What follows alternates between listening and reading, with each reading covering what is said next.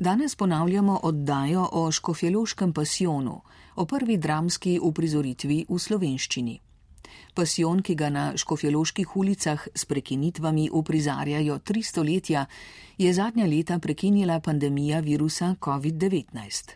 Škofjeloški pasijon je napisal pater Romuald oziroma Laurenc Marušič iz Štandreža pri Gorici in je hkrati najstarejša ohranjena evropska režijska knjiga iz baročnega obdobja. Od leta 2016 je Škofjeloški pasijon, procesijo Lokopolitana, upisan na UNESCO seznam nesnovne kulturne dediščine sveta. Avtor oddaje je Ivan Merljak.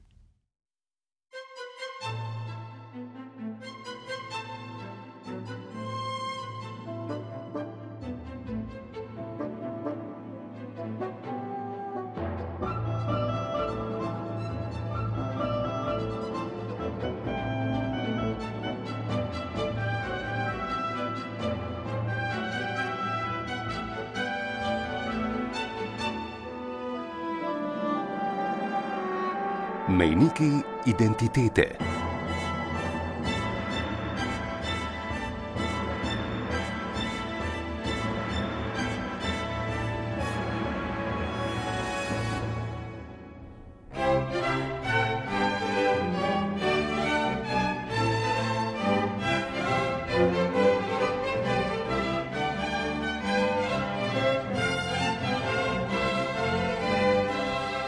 Škofjeloški pasion je literarno delo z virsko vsebino in hkrati dramska uprizoritev, ki je pred tremi stoletji med nastopajoče vključila več sto prebivalcev Škofjeloke in okoliških vasi.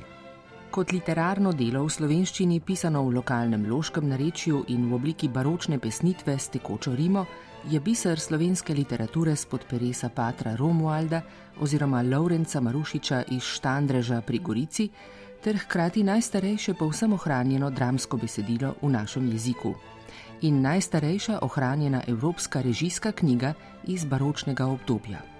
Po osamosvojitvi Slovenije so pasijon kot prikaz pokorne procesije na škofjoloških mestnih ulicah obnovili in že večkrat prikazali. Zdaj se pripravljajo na leto 2021, ko naj bi z njim počastili uradno 300. obletnico pisno potrjenega prvega pasijona. Od konca leta 2016 je bil Škofjeloški pasion, procesijo Lokopolitana, upisan na UNESCO seznam nesnovne kulturne dediščine sveta.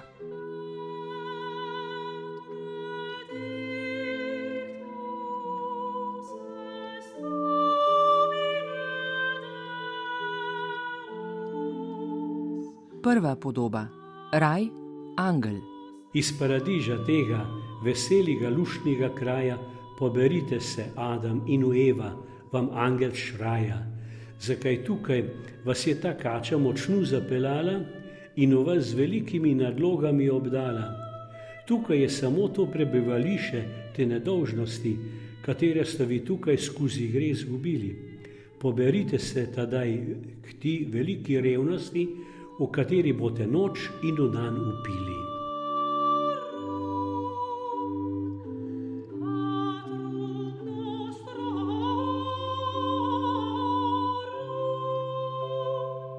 Da bi razumeli vso veličino škofjeloškega pasiona, moramo razumeti baročni čas, v katerem je nastajal. O tem pater dr. Metod Benedik, teolog in zgodovinar, eden od pobudnikov obnovitve pasiona v modernem času. Mislim, da se je vsekakor treba v izhodišču obravnavanja loškega pasiona ozreti na neko, na neko širše okolje.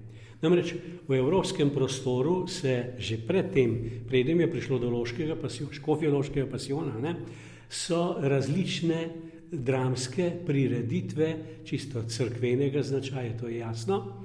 In um, iz tega ozadja izstopa tudi loški pasion. Drugo pa, kar je recimo prav značilno za to, če odgovarjamo, zakaj pri kapucini, zakaj ga kapucini izvajo, na kakšen način, je pa treba reči, da je po ozadju še specifično ozadje, ki je povezano s kapucinsko dejavnostjo. Kapucinski red moramo seveda kratko predstaviti. Ne? Začne se v 16. stoletju, 1525, začetki 1528 je potrjen, se širi predvsem po Italiji, najprej potem Francija, Švica in tako naprej. Potem pa pridejo 1591 v Gorico, prav na današnjem, znotraj današnjih slovenskih meja, je pa 1606, prvi samostan v Ljubljani, potem v celju 1609, potem si pa zelo, zelo hitro sledijo drugi samostani. Tako da postane proti koncu 16. sploh pa v 17. do 17. stoletja, tako, postane kapucinski red glede na število samostanov in število redovnikov, sploh najmočnejša redovna skupnost, ki je kdajkoli obstajala na slovenskem. Za to redovno skupnost, no, jasno, vključi se v delovanje rekatolizacije s tem namenom, kapucine pokličejo škofje v deželo, predvsem je tu pomembno oznanjevanje Božje besede, kot so podarili evangelska pridiga, torej res pridiga, ki temelji na evangeliju. Potem se zelo hitro uh, vključi v dejavnost tudi spovedovanje, kar pa zadeva njihovo notranje duhovno življenje, je pa med drugimi, sej več da takih značilnosti bi lahko menili, ampak vsekakor ena posebnih značilnosti je, da se zelo veliko posvečajo tudi premišljevanju Kristusovega trpljenja. Poznamo pravzaprav celo vrsto raznih knjig, ki so nastali tako eh, v nemškem, francoskem, italijanskem okolju, in imamo potem tudi v naših knjižnicah, kolikor so ohranjene, tu mislim predvsem na Škofjeloško, kar več teh del. In se tudi vidi, ko vzameš to knjigo v roko, se vidi, da so jo res uporabljali. To se pravi, oni so prebirali in premišljali Kristusovo trpljenje. Če gremo potem nekoliko bolj konkretno že na samo uh, prireditev oziroma izhodišče škofijološkega pasiona, se je treba ozreti v Prago, tam so čisto začetki. Lejte, treba je reči tudi to, da kapucini na slovenskem pridejo, bi rekel, v povezavi s to veliko eh, misijo svetega Lorenca Brindeškega, njega praški načkov pokliče Berka, Praga je bila takrat skoraj da protestantska in oni hoče rekatolizirati in pride sveti Lorenz, pa še ne, ne deset njegovih spremljevalcev, kapucinov, ustanovijo samostan v Pragi, na Dunaju in v Gracu. In to se potem razširi, potem pa na Češkem, na Avstriji in na področju današnje Slovenije začenjajo staniti prvi samostani. To je bil prvotno češko-avstrijsko-štajerski komisarjat, to je bila taka upravna enota. Tako da so patri tudi pravzaprav obladovali celotno tole zemlje. Leta 1608 se to že nekoliko razdeli, ker je bilo geografsko zelo, zelo široko. Je pa zanimivo namreč, da je en pater, ki je kasneje potem prišel v Ljubljano, Fortunati iz Verone, on je živel, deloval v Pragi in tam so ustanovili spokorniki, to je bila skupina spokornikov, ki so bili pa zelo tesno povezani s kapucinskim samostanom. Eh, torej, ustanovili so svojo, eno svojo skupnost, se posebej posvečali premišljanju češčenju Kristusovega trpljenja in na veliki petek so oni pripravili spokorno procesijo. Je ohranjen dokument, s katerim je papež potrdil to procesijo. In notor v tem dokumentu tudi navaja, kako je ta procesija izgledala. Recimo se vrstijo spokorniki, oblečeni v razbele, črne halje, bičajo se, velike križe nosijo zase, tipična spokorna procesija. In ta isti pater potem pride v Ljubljano. On je bil potem ljubljanski predstojnik med 1608 in 1613. On potem začne v Ljubljani s pasijonsko procesijo. To nam pa dobro um, za, za, zapiše škof Hren, tedajni ljubljanski škof, Hren zapiše, pravi, da je ta pater njega prišel prositi, da bi v Ljubljani lahko imeli procesijo. In so jo dejansko začeli. Naslednik patrov, Fortunata, pater Just, je bil pa tak zelo strog mož. In da Behen predtem je generalni kapitel prepovedal, da bi uvajali kakršne koli, kot so oni rekli, novotarije. Just je o tem videl novotarijo in je rekel, pa si ona ne bo več. Hren se je takrat zauzel za to in je pisal celo generalnemu ministru, vrhovnemu predstavniku kapsijskega reda in prosil naj vendar to hrani. Pravi, pri nas je že uveljavil, domačini tujci ga radi pogledajo. Prav just je pa tako se razkuril proti temu, da so potem vso to opremo skrili v frančiškanskem zamostanu, ker so se bali, da bi ono vse skupaj skuril.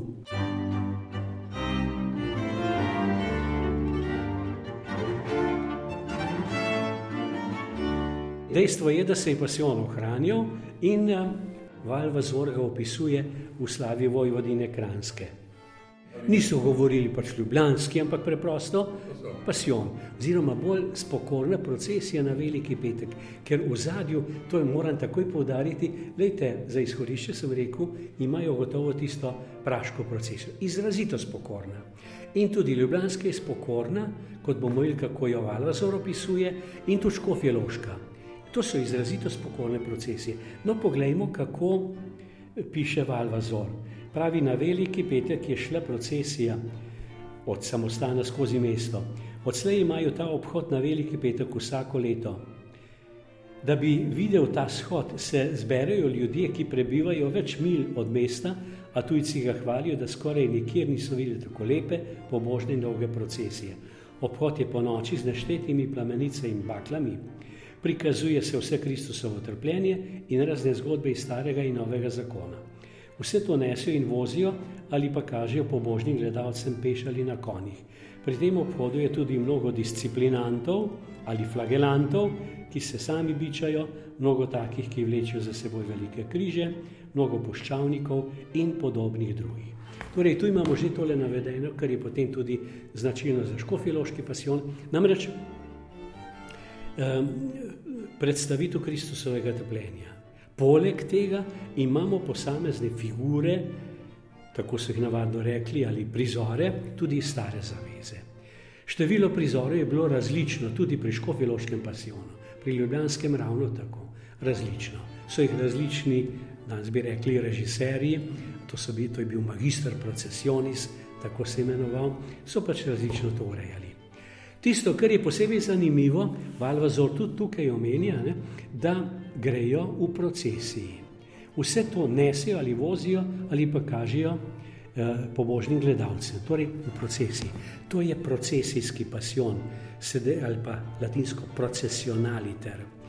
In škofijološki pasion je še danes, tako ne procesijski. In kolikor je danes po, po Evropi, pravzaprav kar relativno veliko število pasijonskih iger, kot jim tem navadno rečejo, je pa škofijološki nekaj prav enkratnega. Prav s tem izstopa, da je procesijski. Torej, skozi mesto, po predvideni poti, grejo ti igravci, ki predstavljajo različne prizore. V škofijiloki so štiri, štiri kraji, kjer predstavijo te prizore, ampak to se potem vse vrsti. Torej, gre za v procesiji, ni na enem mestu, ni statično.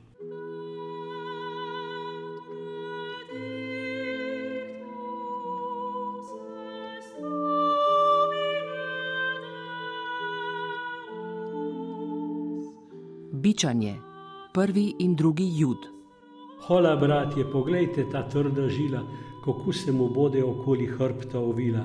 Očem ga tako razmesariti, kot eno živino, da le bomo zaslišali, kaj ima za eno štimo. In drugi jud pravi: Le vendar po hrbtu, da bode vse odprto, izgajžljami raztepeno in z ostrogami razbodeno. Njegov dejanje je le to bilo, katero je vse to dobro zaslužilo, da se bode to njegovo truplo iz krvjo potilo.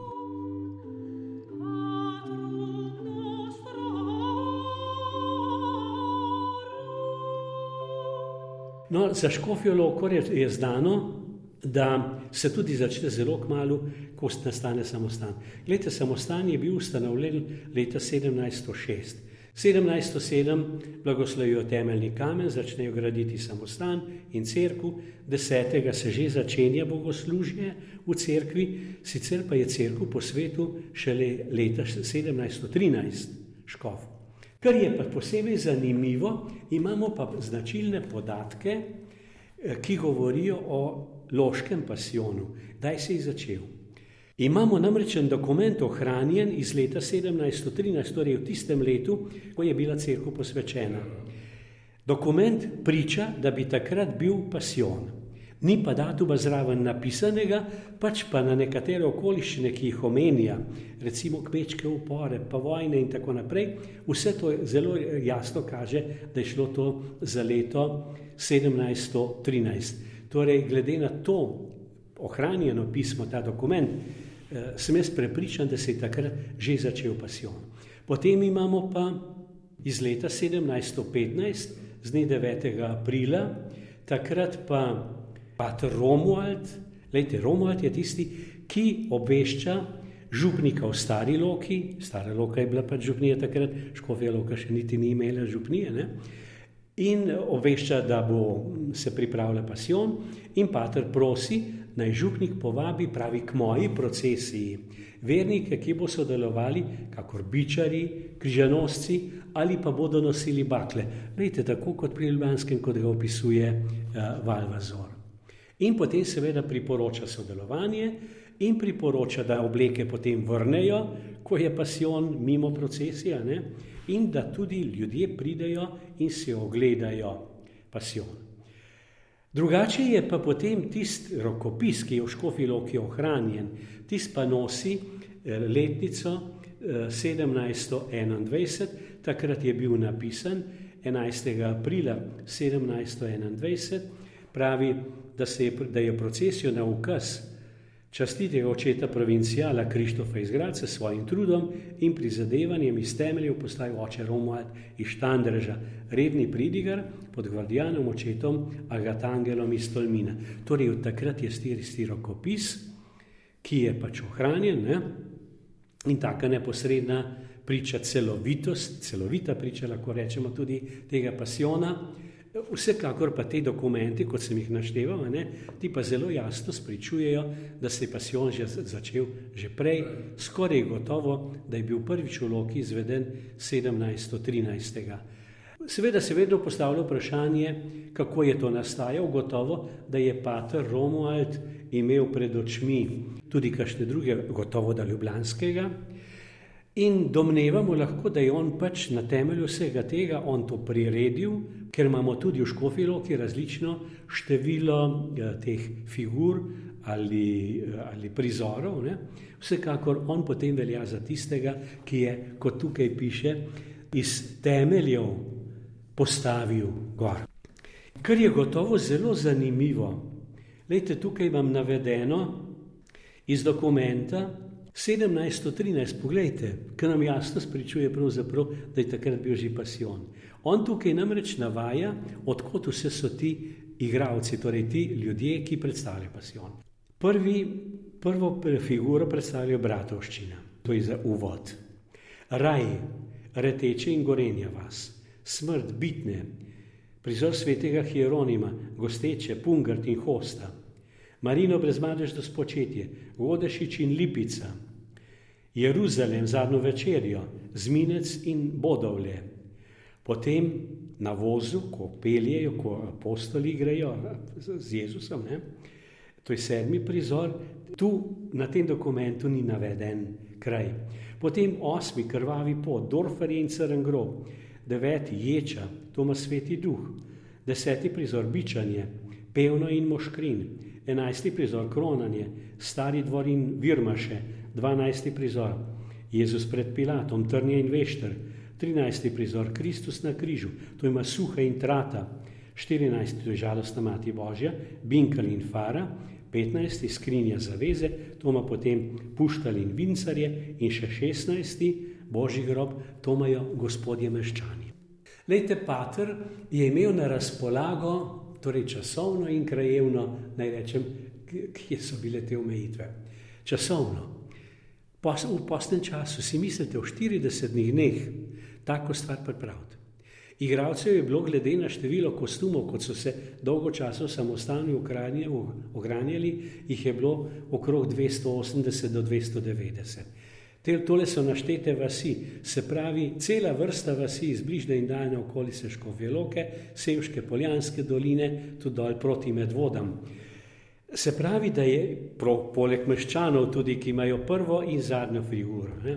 Se pravi, koliko je pater povezal med seboj te ljudi iz široke, zelo široke škofijološke okolice. Tako da je res zelo široka okolica sodelovala zraven, se pravi preprosti kmečki ljudje, pa obrtniki in seveda tudi, kot pravi, gospodje meščani. Se pravi, gre tudi za, po tej plati za zelo, zelo pomembno stvar, ne, da ljudi tistega časa tudi glede na različne sloje med seboj povezuje.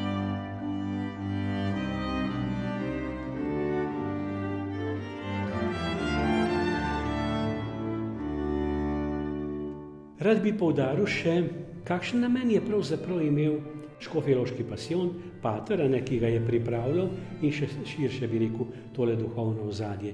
Že na začetku sem rekel, ne, da so kapucini pogosto, sploh v posnem času, premišljali Kristusovo trpljenje.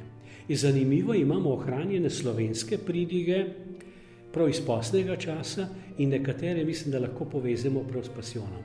Glejte, za leto 1721 je znano v Škofi Loki, da je bil kot redni pridigar, to je bila njegova služba, to je bil pater Ferdinand iz Ljubljane. Ohranjena njegova pridiga. On je imel pridigo na veliki petek popovdne, potem se pa razvije tale procesija. Vsekakor pa je treba poudariti, da kapucini, ki so sami premišljali Kristusovo trpljenje, so to želeli poudariti ali pa posredovati tudi ljudem, med katerimi so delovali. Se pravi, da bi tudi ljudi navedli na premišljanje Kristusovega trpljenja. In eh, če vse skupaj povzamemo, recimo, gre za to, da se prikaže, kako Kristus trpi zaradi nas, grešnih ljudi. In celotna predstavitev trpljenja, to znova in znova se ponavlja v posameznih prizorih, vabilo grešniku, grešnemu človeku, naj se odpovedi grehu, naj dela pokoro, naj se spreobrne, naj začne drugače. Jasno, da je vse v smislu danjega, jaz bom rekel, časa, duhovnega, kulturnega konteksta. Istočasno naj pa poudarim, da je to pravzaprav stvar, ki je vedno aktualna vedno znova se človek, ki kolikor toliko saj razmišlja, misli o sebi, o okolju, o svojem okolju, vidi, koliko je greha, čeprav se greha eh, je za mnoge kar pohujšljivo govoriti o grehu, pa vendarle vemo, koliko je greha tudi danes med nami vsemi ljudmi in kako je potrebno, da bi se stalno spreobračali.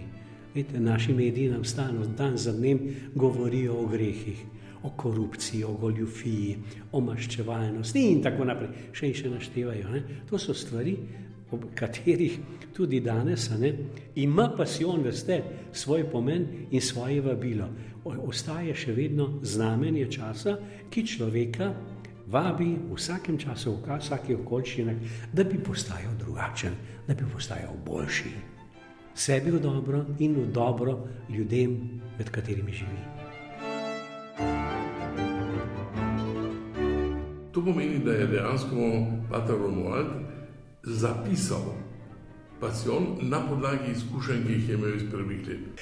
Ja, besedilo samo ima, imamo tole iz leta 21, ne moremo pa drugače, seveda, sklepati, ne, kot da je Pater Romuald povzel vse tisto, kar se je že vrsto let dogajalo. Se pravi, da ni tisto prvi začetek, zdaj se je pa začel, začel se je nedvomno že prej, takrat je pa 21. je pa pač tisto zapisano. In je treba tudi reči, da to je tam, če vzamete v roke, tale rokopis, vidite, to je res kaligrafsko napisano ni kar tako nekaj na hitro, v lepi, razumljivi slovenščini. Če vi danes berete pravzaprav tu in tam kakšno besedo, predvsem mlajša generacija se sprašuje, kaj pa to pomeni. Pa v glavnem je vse krasno razumljivo, seveda pa je jasno je pa tudi, ne, da je tu škofjeloško narečje, da se tu dobro vidi, da je tudi jezikovno gledano tega lokalnega značaja oziroma lokalno obarvano.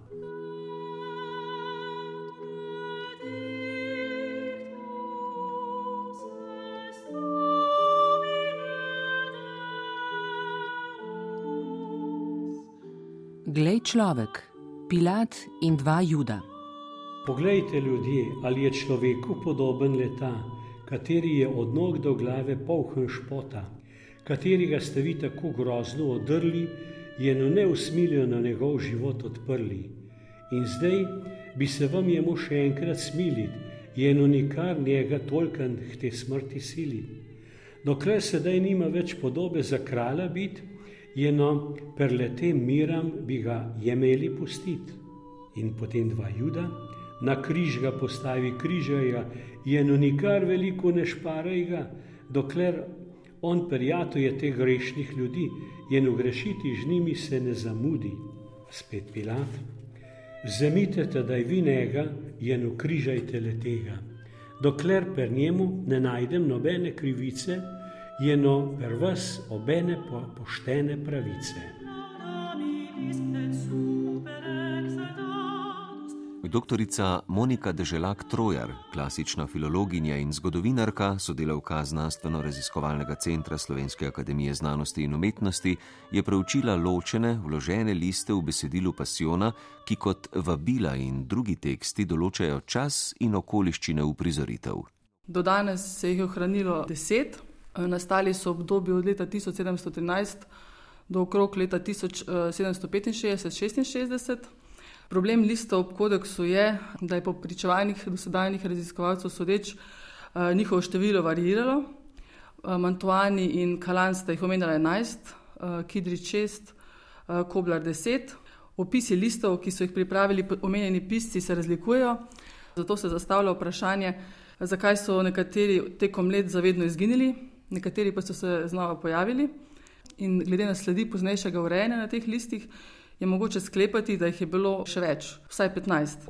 Ti listi so pomembni, eh, še posebej povabilna pisma, so pomembni zato, ker prinašajo številna nova spoznanja o času nastanka eh, procesi, o poteku, recimo točni čas začetka procesi, o sodelujočih, o voditeljih, o sami opremi, očitno pa namigujejo tudi na možnost, da so že pred letom 1721 Eh, pasijonske procesije potekale v slovenskem jeziku ali vsaj dvojezično, se pravi slovensko-nemško. Posredno pa nakazuje tudi obstoj slovenske terminologije pasijonskih procesij pred letom 1721. Najpomembneje pa je, da to gradivo s klicevanjem na utečene stare navade in prakse, ki predpostavljajo predhodne uprizoritve, potrjuje sklepanja, da tradicija prirejanja spokojniških procesij sega v globljo preteklost pred leto 1721. Za samo tradicijo škofiloškega pasijona sta najpomembnejša dva lista. Pismo neznanega voditelja loške procesije iz leta 1713. To povabilno pismo je brez navedbe avtorja in letnice nastanka. Se pa v tem vabilu omenjajo vstaje in nemiri med prebivalstvom, ki jih je časovno mogoče povezati s tolminskim kmečkim uporom leta 1713. Na podlagi te, te eh, posredne datacije je bilo mogoče ugotoviti, da to vabilo predstavlja najstarejše ohranjeno pričevanje eh, o škofiloških procesih. Eh, pravilno zgodne datacije pa posredno daje tudi omemba bratovščine svetega Rožnega Venca, ki je bila takrat skupaj z bratovščino svetega rešnjega telesa soustanoviteljica te procesije. Pozneje v samem kodeksu se kot ustanoviteljica omenja samo bratovščina svetega rešnjega telesa. Je pa zanimivo, kljub temu, da gre za najstarejše znano pričevanje o loški pasijonski procesi, da se tukaj pojavljajo formulacije, ki nakazujejo, da leta 1713 uh, eh, ni šlo za prvi tovrstni primer, ampak so bile procese očitno že ustaljene in dobro uveljavljene.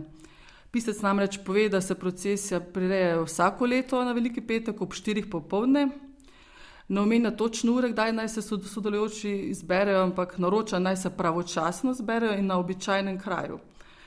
Eh, nakazuje tudi na uprizoritev prihodnje leto in omenja novega voditelja procesije.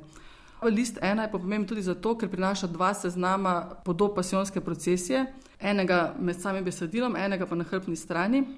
Eh, tisti med besedilom je prvi znani, tako hranjeni seznam, z naštetimi 15 prizori procesije. Na hrbni strani pa še en seznam, ki ga ni mogoče natančno datirati, ampak sklepam, da je nastal po letu 1713. Posebnost tega drugega seznama je, eh, da so naslovi nekaterih podob navedeni v slovenščini, kar bi lahko nakazalo možnost, da so že pred letom 1721 pasijonske procesije potekale v slovenskem jeziku ali pa vsaj slovensko-nemško dvojezično. In to hkrati nakazuje in potrjuje obstoj uh, slovenske pasijonske uh, terminologije. Pa nekatere, zanimivo je tudi to, da so nekatere navedbe podob videti nepopolne, kot bi šlo za navajanje splošno znanih ključnih besed. In to je lahko le še dodaten dokaz za to, da procesija ni mogla biti isto leto novost. Drugo povabilno pismo je pa iz leta 1715, ki je napisal ga je uh, Pater Romuald, je najbolj literarno in besedno najbolj izbrano napisano. Je podpisano, je, je datirano, problem pa je, da ni naveden kraj uh, nastanka. Mantuan in Kidič sta trdila, da se je obila nanaša na ljubljansko procesijo, Kobler in Kalam pa, da sta ga povezovala z Loško. V prič Kofje Loke najbolj zgovorno govori o Memba, da je oprema za procesijo revna in preprosta. Takšna znaka je bila za Ljubljano, kjer je procesija potekala že uh, sto let nesmiselna. In v tem pismu se tudi poudarja spokorniški značaj procesije. Zaradi teh dveh um, indicov in zaradi sklepanja Patra Benedika da je Romuald kot pridigal v Škofi Loki deloval že um, leta 1715, sem sama to uh, pismo datirala in lucirala v Škofi Loko. To pismo potrjuje, da je besedilo pasiona, uh, kot se nam je ohranilo v kodeksu pasiona, začelo nastajati najpozneje leta 1715. Zgovorne so namreč Romualdove besede, da vabi k svoji procesi, ad procesionem mejem, Se pravi, da je pasijonska procesija, kot jo poznamo iz zapisa v kodeksu iz leta 1721, ni Romualdo prvi poskus, ampak temelji na njegovih predhodnih uprizoritvah. Poleg teh dveh pisem je pa še zelo zanimiv še šesti list, fragment Kristus nese križ.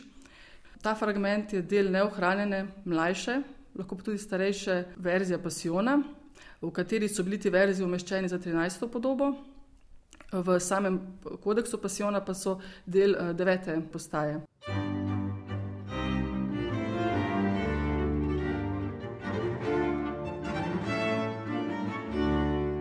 Literarni vidik besedila škofjološkega pasijona je preučeval docent dr. Matija Ogrin, raziskovalec na Inštitutu za slovensko literaturo in literarne vede ZRC SAZU. Besedilo škofjološkega pasijona je ohranjeno v kodeksu s platnicami nekdanjega loškega gospodstva in že tiste platnice nakazujejo, da je imel ta kodeks neko dolgo predzgodovino. Pravzaprav je bilo potrebno besedilo šele datirati, čisto točne letnice namreč nimamo. Prvi list, na katerem je kronogram z letnico 1721, je namreč nastal ločeno od celotnega kodeksa in zato ne moremo celega rokopisa datirati po tem enem samem listu, ki je napisan z drugo roko in iz drugega papirja je narejen, kot pa preostala knjiga.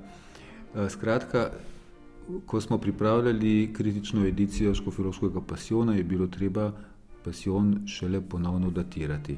No in potem smo po raznih kriterijih ugotovili, zlasti glede na formulacije, ki se nanašajo na pravno dikcijo, pravna določila, kako naj procesija poteka, sprijeta na kapitlih jezuitskega reda. E, iz tistega sledi, da je bilo besedilo zapisano med leti 1724 in 1727, ampak tekst sam je pa že starejši.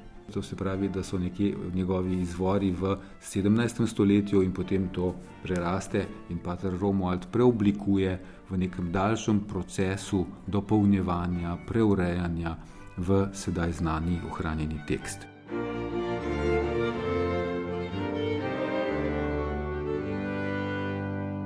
Imeško filološki pasion je nastalo razmeroma pozno šele z izdajo Faksimila v letu 1972, ko je literarni zgodovinar France Kobler poskrbel za, ta, za izdajo tega Faksimila in mu je dal naslov Škofiloški pasion. To je prva pojavitev tega imena. Prej tekst ni imel imena, ime pa je seveda imela ta pobožnost velikega petka, ki so jo imenovali loška procesija. In še zdaj starejši ločani vedno tej prireditvi rečejo procesija, ne pasion. Um, šlo je torej za spokorno procesijo, za spokorno pobožnost, kot del priprave na veliko noč, kjer uh, se premišljuje uh, celoten lok duhovne zgodovine od uh, Adamovega in Evinega padca v izvirni greh prek Jezusovega prihoda in odrešilnega delovanja, s katerim mora Jezus z odrešilno žrtvijo razrešiti, odkupiti krivdo človekove te prvotne nagnjenosti k slabemu, ki jo izraža pojem izvirnega greha. Um, in v tem, v tem loku notri se odigra velika drama pasiona po uh, bolj ali manj ustaljenih postajah, tako rekoč križevega pota, če smemo tako reči, to se pravi spomin na Jezusovo trpljenje, je imel določeno strukturo, ki se je izoblikovala z veliko variacijami in zanimivimi posebnostmi in, tako, in razlikami iz, od srednjega veka naprej do moderne dobe, zgodnega novega veka. Vendar pa je v njem tudi marsikaj takega, kar pa izvira iz širše pasijonske tradicije. Ja, to se pravi iz manj nekanoničnih elementov. En od takih, recimo, literarnih elementov je, ko se pojavi pod križem Kupido, to se pravi Amor. To je težko razumeti, če ne upoštevamo, da je običajno eh, škofiloški pasion in vse druge te pasionske procesije so potekali le kot pobožnost, ki je sledila pridigi v cerkvi. In v pridigi je bilo marsikaj povedano, kar je pravzaprav bilo uh, kot nekakšen okvir razumevanja celotne pobožnosti. In če gremo brati Janeza Svetokriškega, vidimo, da je v njegovi pridigi na Veliki petek, tam nastala je nekaj pred letom 1695, so obsežne meditacije o Jezusovi ljubezni do grešnega človeka in citati iz srednjeveških mislecev Katarine Sijenske in drugih, naprimer, nobeno železje bi ga ne bilo zadržalo na križu, če bi ga ne zadržala ljubezen. Potem svet citira svetokriški svetega Bernarda, ne, pravi o sila ljubezni ali je potem takem najvišji od vseh, to se pravi Kristus, postal najbolj ničen. Kdo je to naredil? To je naredila ljubezen, nije bolj večje sile kot je ta ljubezen zmaguje tukaj nad Bogom. In prav ta zmaga ljubezni nad Bogom, to je seveda literarna prispodoba, se izrazi v tistem kupidu, to se pravi Amorju pod križem, ko kupido pravzaprav zveže rani in premaga Kristusa. To se pravi, tukaj je neko teološko ogloblje ozadje, ki ga je pridiga razlagala, bila njegovo pojasnilo in je bilo to ljudem zaradi tega razlagalnega okvira povsem jasno in so razumeli točno, kaj je bilo, bila zdaj vloga tega kupida, ki je pod križem, kjer je Kristus križan, rekel naslednje verze in to je v škofilološkem pasionu tukaj zelo poetično povedano. Kdo je bil vojščak leta, kater je premagal Boga? Boga tako močno ranil, nobeden ni tako močen bil, kot ta ljubezen velika. Je zvezala brez vsega štrika tega, kter ne more ranen biti, se je pustil od mene zvezate je naronite. Za ta greh, za doste strite, tega zvezanga odrešite.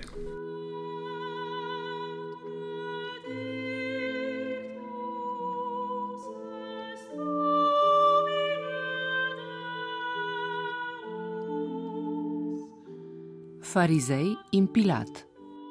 Je naša zapoved oče le to, da on ima umreti zato, dokler on se je sin Božji delal, je notolkan od nas zapeljal. Eh, križaj ga in ok smrti ga obsodi, da on nam ne bode k večji škodi, jenu okutinega živega pustiš, tako postave cesarjeve ne držiš. Spet pilat. Tedaj moram jaz po vaši volji ga k smrti obsoditi, oko očem jaz pred cesarju še v gnadi biti.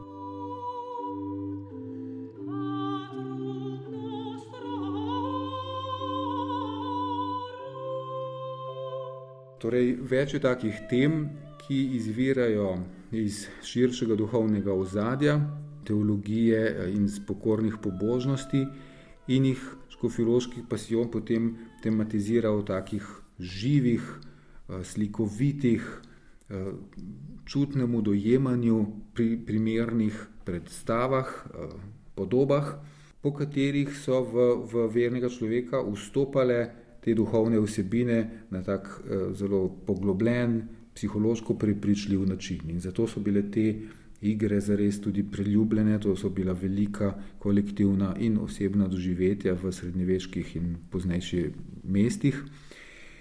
In ni čudno, da je bilo tako tudi v Škofiji Loki vse do uh, poznega 18. stoletja, ko so prišle stopnjujoče se in če dalje ostrejše prepovedi uh, razsvetljencev, razsvetljenskih oblasti, ki so začele te baročne pobožnosti preganjati in zatirati. Pozneje, kot vemo, so prišle tudi prepovedi in razpust bratovščin, celo um, razpust uh, številnih samostanov in podobno. Torej, v tistem, škof, um, v tistem razsvetljenskem nekako navalu um, racionalizma, ki je bil negativno nastrojen do duhovnih, mističnih elementov baroč, baroka, baročne dobe, uh, se je marsikaj izgubilo in žal tudi besedila drugih dokazano obstoječih pasijonskih pobožnosti na slovenskem. Um, Pater Metod Benedik je naprimer izsledil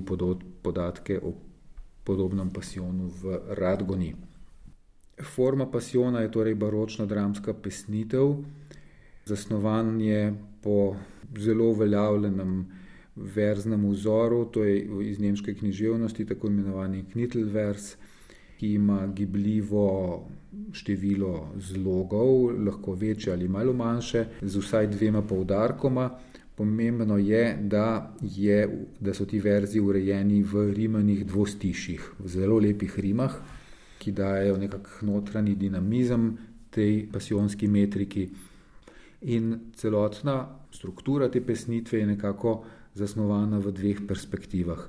Človeški, v kateri se nastopajo apostoli, ljudje, zlasti pa seveda močitelji in preganjalci Jezusa, tudi naprimer pogubljena duša, pa seveda hudobni duhovi, ki skušajo vplivati na ljudi, in pa v božanski perspektivi, ki jo predstavljajo angeli in v bistvu kaže na neko višjo perspektivo razrešitve nasprotji med dobrim in slabim v smeri večnosti in eh, človekovega poslednjega cilja.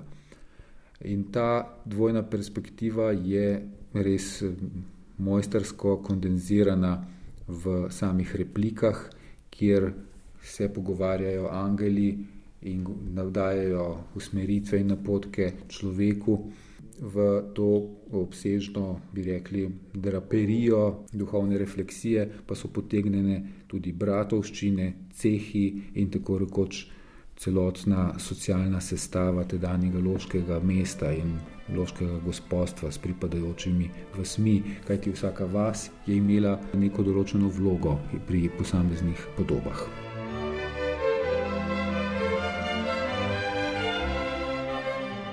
Škofiloški pasijon je gotovo najstarejše v celoti ohranjeno dramsko besedilo na slovenskem. Je pa zanimivo, da se je ob njem v zadnjih letih, zelo zdaj neposredno v zadnjem času, pojavil tudi pasijon iz železne kaple na Koroškem, torej kapelski pasijon, ki je kot rokopis precej mlajši, rokopis kapelskega pasijona je nastal šele ob koncu 18. stoletja, vendar pa je spet tako, da je eh, besedilo v tem kapelskem rokopisu precej starejše. No in to, kako staro je to kapelsko besedilo, je pa še predmet raziskav. S pokojnim profesorjem Prunčem, Erikom Prunčem, s katerim sva pripravila kritično izdajo kapelskega pasijona, sva za zdaj lahko prišla do tega, da je bil velik del kapelskega pasijona redigiran, to se pravi preurejen v Jožefinski dobi, se pravi tam nekje uh, okrog 1770-80, da, da bi ga prireditelj rešil pred razsvetljenskimi prepovedmi in ukinitvami. Vendar poleg tega redigiranega dela kapelskega pasiona ostajajo tudi mnogo starejši elementi, naprimer dvogovor med Marijo in eh, spokorjenim grešnikom ali eh, monolog smrti, eh, slovo Jezusa od Marije, potem pa na koncu samega besedila pogubljena duša oziroma duša na sodbi, tehtanje duše na sodbi s svetim Mihajlom. Ti prizori so v kapelskem pasionu zelo stari in so verjetno iz 17. stoletja iz jezuitske dramatike, ki se je večji del izgubila, ampak ravno v tem kodeksu kapelskega pasiona so se pa nekateri odlomki ohranili. No, in ti posamezni elementi v kapelskem pasionu, ti so verjetno starejši od škofiloškega. Vendar pa je škofiloški pasion kot celota še vedno najstarejše celotno besedilo.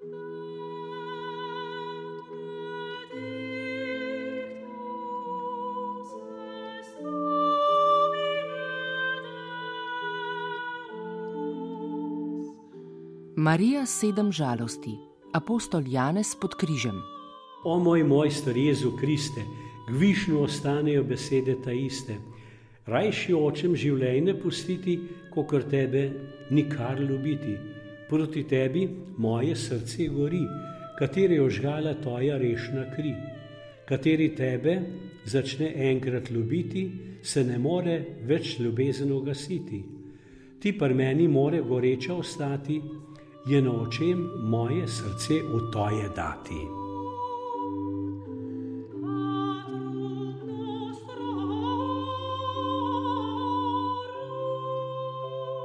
Je bilo to tudi vabilo vam, da ste se odločili obnoviti pasion v modernem času? Ja, veste kaj, z nekaterimi prijatelji smo veliko o tem razmišljali, govorili. Moram reči, da sem se sam tudi ukvarjal s tem pasijonom škofiloškim, pravzaprav že kot izhodišče, ne, da sem vzel to dejstvo, da je v škofiloki ohranjeno to prvotno besedilo, ki je najstarejše slovensko ohranjeno dramsko besedilo in bi rekel že izpoštovanje do tega, do te bogate kulturne in duhovne dediščine, mi je to narekovalo, da bi kazalo nekaj spet narediti.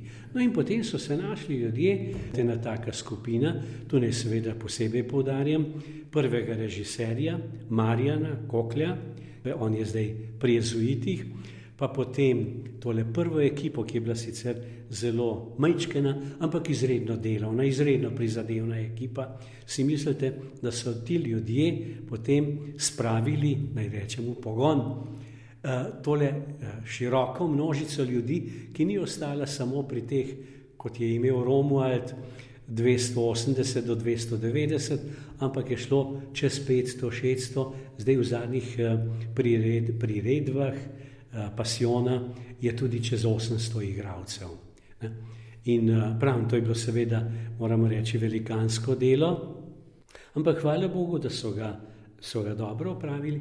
Tisto, kar se mi zdi pri vsem še posebej pomembno, je, je dejstvo, da je škofija loka, torej ločani, ne samo striktno meščani, ampak širše ločani, tudi obe dolini, vsi ti ljudje, da so to sprejeli, spet vzeli kot svojo bogato kulturno in duhovno dediščino, ki je vedno sodobna, kot sem želel poudariti, ki je po eni strani bogatstvo izdane preteklosti, ki nam priča, da je bila naša slovenska preteklost, naši konkretni tukajšnji ljudje, bogati v svoji kulturi in duhovnosti, in da je to še danes, in da, da je to še danes za nas sporočilo, sporočilo za naš čas. In eh, da se lahko, konec koncev, lahko tudi ponosni pred širšim eh, svetovno javnostjo, da imamo tako kulturno in duhovno bogatstvo. Jaz moram reči, ko sem sprejemal v Škofiloki v samostanu razne tujce, turiste, romarje z najrazličnejših evropskih krajev, pa z Nemčije, Avstrije, Italije, tudi, tudi z Anglije in tako naprej.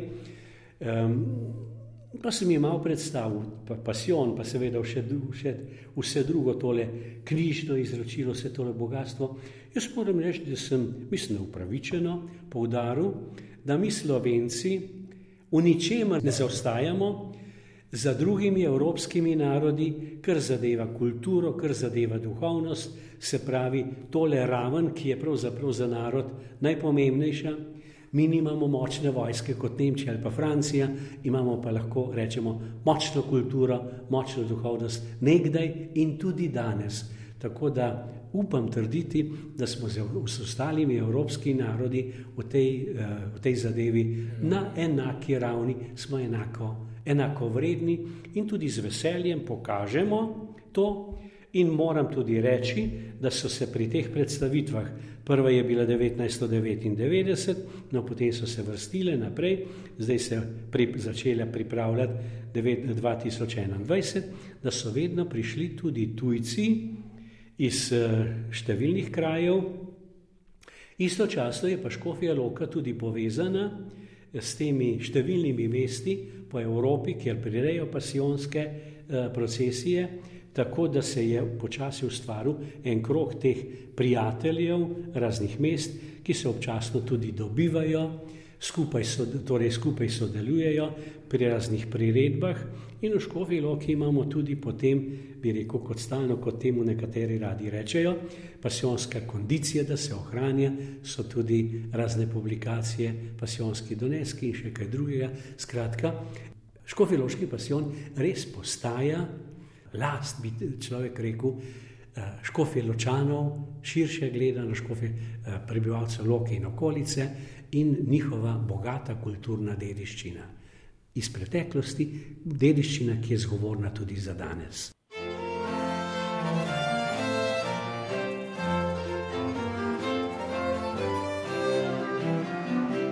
kar zadeva 300-letnico, na katero se v Škofiloki po vsej pravici z vso pozornostjo in veseljem pripravljajo, je reči k temu to, ne, da jubileji seveda imajo to vlogo, da obujajo nek kolektivni spomin in zavest na pomembno kulturno izročilo. Pomembno je pa zlasti to, da se ob takih jubilejih vračamo k duhovni vsebini samega besedila. Ta vsebina je pa podana v čudoviti literarni formi, ki predstavlja eno od vrhunskih baročnih pesnitev v slovenski literaturi in je v tem smislu tudi popolnoma enakovredna literarno-estetska umetnina drugim besedilom iz te dobe eh, in je zlasti zato zares zaslužno in primerno, da je bila uvrščena na tudi na eh, seznam eh, te duhovne dediščine, nesnovne dediščine UNESCO.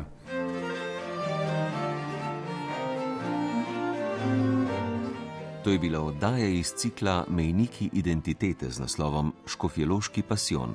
O njem so govorili pater dr. Metod Benedik, teolog in zgodovinar, Doktorica Monika Deželak Trojar, klasična filologinja in zgodovinarka, sodelavka znanstveno-raziskovalnega centra SAZU in docent dr. Matija Ogrin, raziskovalec na Inštitutu za slovensko literaturo in literarne vede ZRC SAZU. Oddajo sva povezovala Matjaš Romih in Ana Bohte, tonski mojster je bil Jrnej Boc, avtor pa je Ivan Merljak. Oddaji lahko spet prisluhnete prek spletnih strani radio televizije.